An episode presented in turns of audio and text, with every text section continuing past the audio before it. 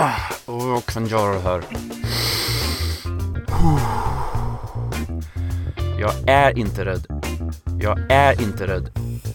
Det är inte så farligt bara lite. Mm. Arr, är ingen fara. Ja, det här ljudet, det blev jag rätt van vid tidigt i vuxen ålder.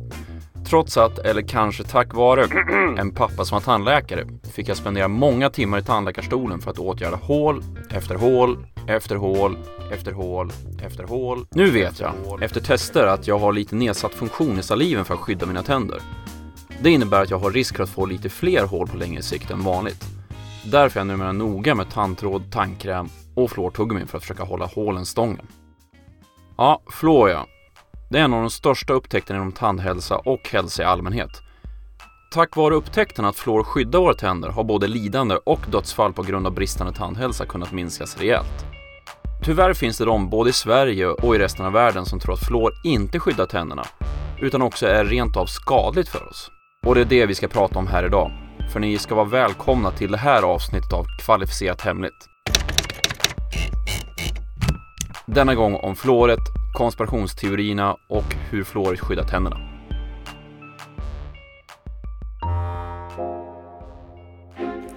När striden om vattenfluoridering var stark ifrågasatte motståndarna många gånger effekten av fluor eh, på tänderna, om den alltså hade någon positiv verkan. If you use more than you're supposed to, basically, then and you swallow that, you're supposed to get medical help right away. You're supposed to contact your poison control center. Vi bara tar 1985 så hade Sveriges 12-åringar i genomsnitt tre kariesskadade tänder. Idag har den genomsnittliga 12-åringen knappt en kariesskadad tand. Men sen försvann fluortanterna. Ja, Vad hände? därför att tänderna blev så bra på barnen. De fick friska tänder, så det försvann bort. Lillebror vill ha vita tänder, så han borstar dem varje dag. And in the 40s, when they were producing nuclear weapons secretly in Tennessee, this is all declassified, they began dumping the fluoride byproduct in the streams and rivers. And so they put out a report in the late 40s saying, let's just put this in the water supply. Idag är det nästan till självklart att ha hela och rena tänder. Vi går till tandläkaren för att undersöka, laga, rädda och förbättra våra tänder. Vi köper tuggummi med fluor i, tandtråd, tandstickor, elektriska tandborstar, munskölj och, yes sir, tandkräm. Antalet märken, sorter och smaker av tandkräm ute i butikerna är massiv. Och väldigt, väldigt många stoltserar med Svenska Tandläkarförbundets symbol på förpackningen. Och det måste ju bara vara för att märket är bäst. Seal of approval från tandläkaren och allt. Eller hur funkar det? Så här säger man själva från Svenska Tandläkarförbundet. Tandläkarförbundet stöder aldrig en enskild produkt, utan det är en egenskap eller ingrediens hos produkten som förbundet stöder. Till exempel fluor i tandkräm och munskölj. Så länge det finns tillräckligt med till exempel fluor i en produkt får den alltså bära symbolen från Svenska Tandläkarförbundet mot en smärre kostnad. Men varför just fluor? Och vad gör den som är så bra med tänderna egentligen? För att svara på det behöver vi ge oss ner på en väldigt, väldigt förstorad nivå. Våra tänder har ett yttre lager som kallas för emalj. Man kan kalla det ett skal som skyddar tandens inre, inklusive nerven längst in. Och i vår munhåla sen har vi förutom tänder, slemhinna och tunga en massa bakterier. Tillsammans med vår saliv bildar bakterierna en biofilm, det som kallas plack, på våra tänder. En del av de här bakterierna utsöndrar syra när de omsätter kolhydrater i vår mun. Och när det händer sänks pH-värdet också i munnen. Och det är nu som det är dags att damma av gymnasiekemin. För det sjunkande pH-värdet innebär att det frigjorts en massa vätejoner. Och de här vätejonerna påverkar emaljens byggsten, hydroxylapatitet. Vad som händer sen är att jonen löser ut mineraler från emaljen, det som kallas demineralisering. På sikt kan vi få en permanent skada i emaljen om det här fortsätter. Och den här skadan är alltså det vi kallar för hål i tanden. Men om du har behandlat ytan med fluor genom till exempel tandkräm, munskölj eller liknande uppstår, vi kan kalla dem kapslar med kalciumfluorid i det här läget. Skalet till den här kapseln består av protein och fosfat. Och det är det här skalet som den sura miljön löser upp. När kapseln löses upp frigörs kalcium och fluorjoner som bildar en skyddande förening som består av fluor och hydroxylapatit. Den här föreningen lagras i tanden och reparerar skadan, en process som kallas remineralisering. En liten fiffig sak med den här processen är följande. Den hydroxidjon som finns i hydroxylapatitet kan bytas ut mot en fluoridjon. Den föreningen blir starkare och mer motståndskraftig än emaljens vanliga uppbyggnad. För att det här utbytet ska kunna ske måste det vara surare än neutralt pH i munnen. Det vill säga när risken för demineralisering, angreppet på emaljen, uppstår. Förutom allt det här påverkar närvaron av fluor i munhålan de syraproducerande bakterierna. Dels genom att angripa deras möjligheter att producera syra och dels genom att minska bakteriernas förökning. Ja, det är en del knepiga processer här och det tog lång tid för mig att ens greppa de här grunderna. Men innebörden är klar. Fluoret gör både emaljen starkare och minskar samtidigt bakterierna som är dåliga för tänderna. Men trots allt vi vet om fluorets funktion och skyddande verkan är en del som absolut inte köper de bevisen. För konspirationstroende är fluoret tacksamt. Man pratar om farliga egenskaper och att det bara krävs mellan 5 till 10 gram fluor för att döda en vuxen man. Men eh, för att sätta det här i perspektiv så kan man säga att en normal tub tandkräm i affären idag innehåller cirka 1,5 mg fluor per gram tandkräm. Så lek med tanken att jag äter en 125 ml tub med tandkräm. Då har jag fått i mig hela 187 mg fluor. Och det innebär att jag bara är 25 tuber till ifrån en dödlig dos. Men lite mer allvarligt. Självklart finns det begränsningar på vad som är rimligt och bra när det kommer till dagligt intag. För det finns absolut risker med alldeles för mycket fluor. Det är som man säger, det är inte ämnet i sig utan dosen som utgör giftigheten i ett ämne. Vad kan då hända om man får i sig för mycket fluor då? Jo, det vanligaste fallet, om än ovanligt här i Sverige i alla fall, av för mycket fluor är det som kallas dental fluoros. Och det drabbar barn där tänderna fortfarande växer. Vid mild fluoros får man missfärgning på tänderna. I den formen är färgningarna knappt synliga fläckar och stråk över emaljen. Men vid kraftigare fluoros kan emaljen bli, något ironiskt, svagare och skydda sämre mot kariesangrepp. Vid värre fluoröverdoser kan man råka ut för något som kallas för osteofluoros. Det innebär att fluoret lagras i benvävnaden och leder till ökad benmassa och bentäthet, stelhet och minskad rörlighet. Ja, risken för att råka ut för fluoros är framförallt om man har en egen vattentäkt med hög fluorhalt. I Sverige pratar man om att fluorhalten i en egen vattenbrunn bör ligga på mellan 0,8 och 1,2 mg fluorid per liter vatten. Mer än så, och det innebär till en början att småbarn inte bör dricka vattnet. Och kommer du över 6 mg fluorid per liter anses vattnet otjänligt oavsett ålder. Men å andra sidan så är det inte bra om det är alldeles för lite fluor i vattentäkten. För då går man miste om den skyddande verkan som en viss nivå med fluor i vattnet faktiskt har. Så för att sammanfatta, Riskerna med fluor i vardagen är väldigt, väldigt små, särskilt om du inte har en egen vattentäkt. En vuxen behöver trycka i sig absurda mängder tandkräm för att få symptom. Och även småbarn måste äta rejäla mängder, en till tre tuber tandkräm till exempel, för att få allvarliga biverkningar. På 60-talet började vi med den berömda fluortanten i skolorna och under 70-talet gick Socialstyrelsen ut med att fluor var viktigt för tandhälsan och att det var bra att vi fick i oss det.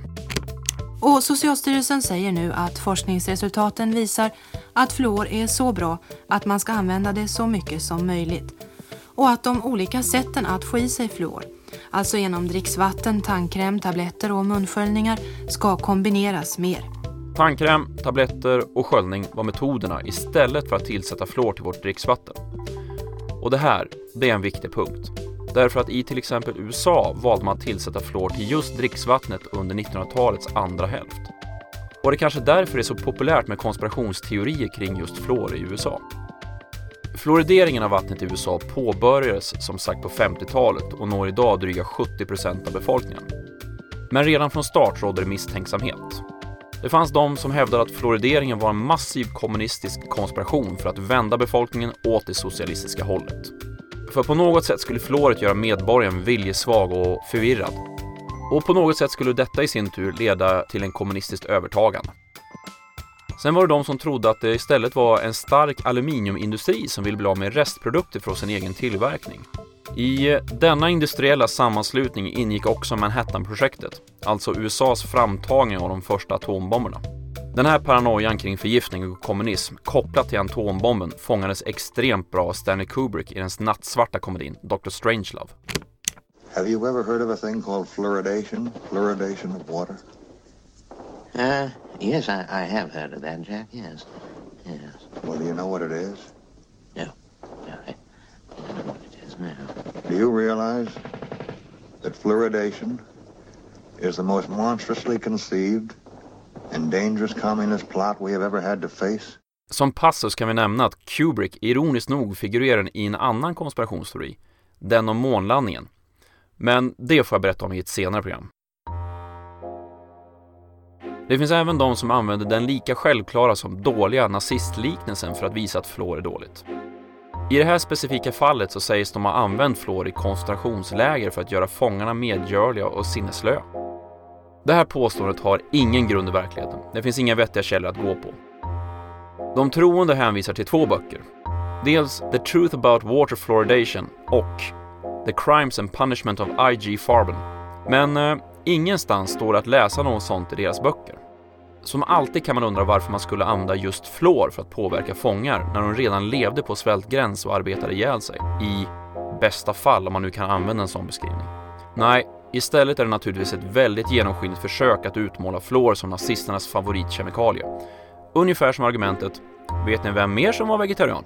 Mm, Hitler. Men de här argumenten är inte de som vanligtvis används i till exempel Sverige. Istället handlar det om att fluoret är giftigt för framförallt barn, även i små doser. Och när den så kallade Harvard-studien kom tyckte sig kritikerna ha fått vind i seglen. För helt plötsligt fanns det en studie som kunde koppla IQ till fluorhalt. Studien, med titeln Developmental Fluoride Neurotoxicity, A Systematic Review and Meta-Analysis, skulle studera fluorets påverkan på neurologiska utvecklingen hos barn. Och resultatet gav att man faktiskt tyckte sig se en form av påverkan. Children in high fluoride areas had significantly lower IQ scores than those who lived in low fluoride areas. Och det här kanske låter allvarligt, men som alltid är saker inte så svartvita. Först och främst, studien använder sig av data från Kina och Iran. Platser som eh, krasst sett inte har samma kontroll på dricksvatten och exponering för farliga utsläpp. Dessutom var det mycket högre gränsvärden än de som anses säkra enligt svenska mått mätt. Här handlar det om halter av fluorid på mellan 2 till 10 mg per liter vatten. Och om ni minns så pratade jag tidigare om att det är rätt så låga halter som man ska undvika att ge barn. Max 1,2 mg fluor per liter dricksvatten. Studien var inte heller experimentell, det vill säga att man hade inte kunnat kontrollera andra miljöfaktorer. Och eh, två av de analyserade studierna tittade till exempel på fluoridexponering via kolrök. Det man kan tänka sig då är att det finns andra faktorer som också spelar in i påverkan på IQ-nivåer hos barn i studien. I studien slår man inte heller fast att det är fluorexponeringen som hänger ihop med IQ-nivån. Istället lyfter man möjligheten att den kan påverka och att fler studier behövs. En sorts eh, försiktighetsprincip som så ofta i den här typen av frågor. Om man tar det här resultatet och jämför med den massiva mängd studier på fluor och hälsa som finns, inklusive svenska, är bilden väldigt tydlig. Fluor är den bästa grunden vi har för att bygga upp vår tandhälsa. Däremot, med tanke på hur många olika sätt det finns att få i sig fluor idag, kommer svenska myndigheter att titta över sina rekommendationer. Inte för att ta bort fluoret, utan för att uppdatera rekommendationerna och doserna så vi får i oss lagom mycket för att skydda tänderna. Så, vi närmar oss slutet av det här tandläkarbesöket och kan konstatera följande. Fluor är den bästa grunden för att ha hela och friska tänder, tillsammans med tandborstning och tandtråd. Visst är fluor giftigt i tillräckligt stor mängd, men den mängden får vi inte i oss om vi inte missbrukar flera kilo tandkräm. Vill du slippa spendera mycket tid i tandläkarstolen är det bra att ha fluortandkräm på tandborsten i lagom mängd. Nu får ni ursäkta, för det är dags att ta tag i den här tanden som strulade i början. Okej, okay, då kör vi. Du har lyssnat på Kvalificerat Hemligt, en poddradio om konspirationsteorier och vetenskap. Länkar till musiken, videoklipp och annat som nämns i programmet återfinns på programmets hemsida, khpodden.se. Jag heter C. Åkerberg och tack för att du har lyssnat.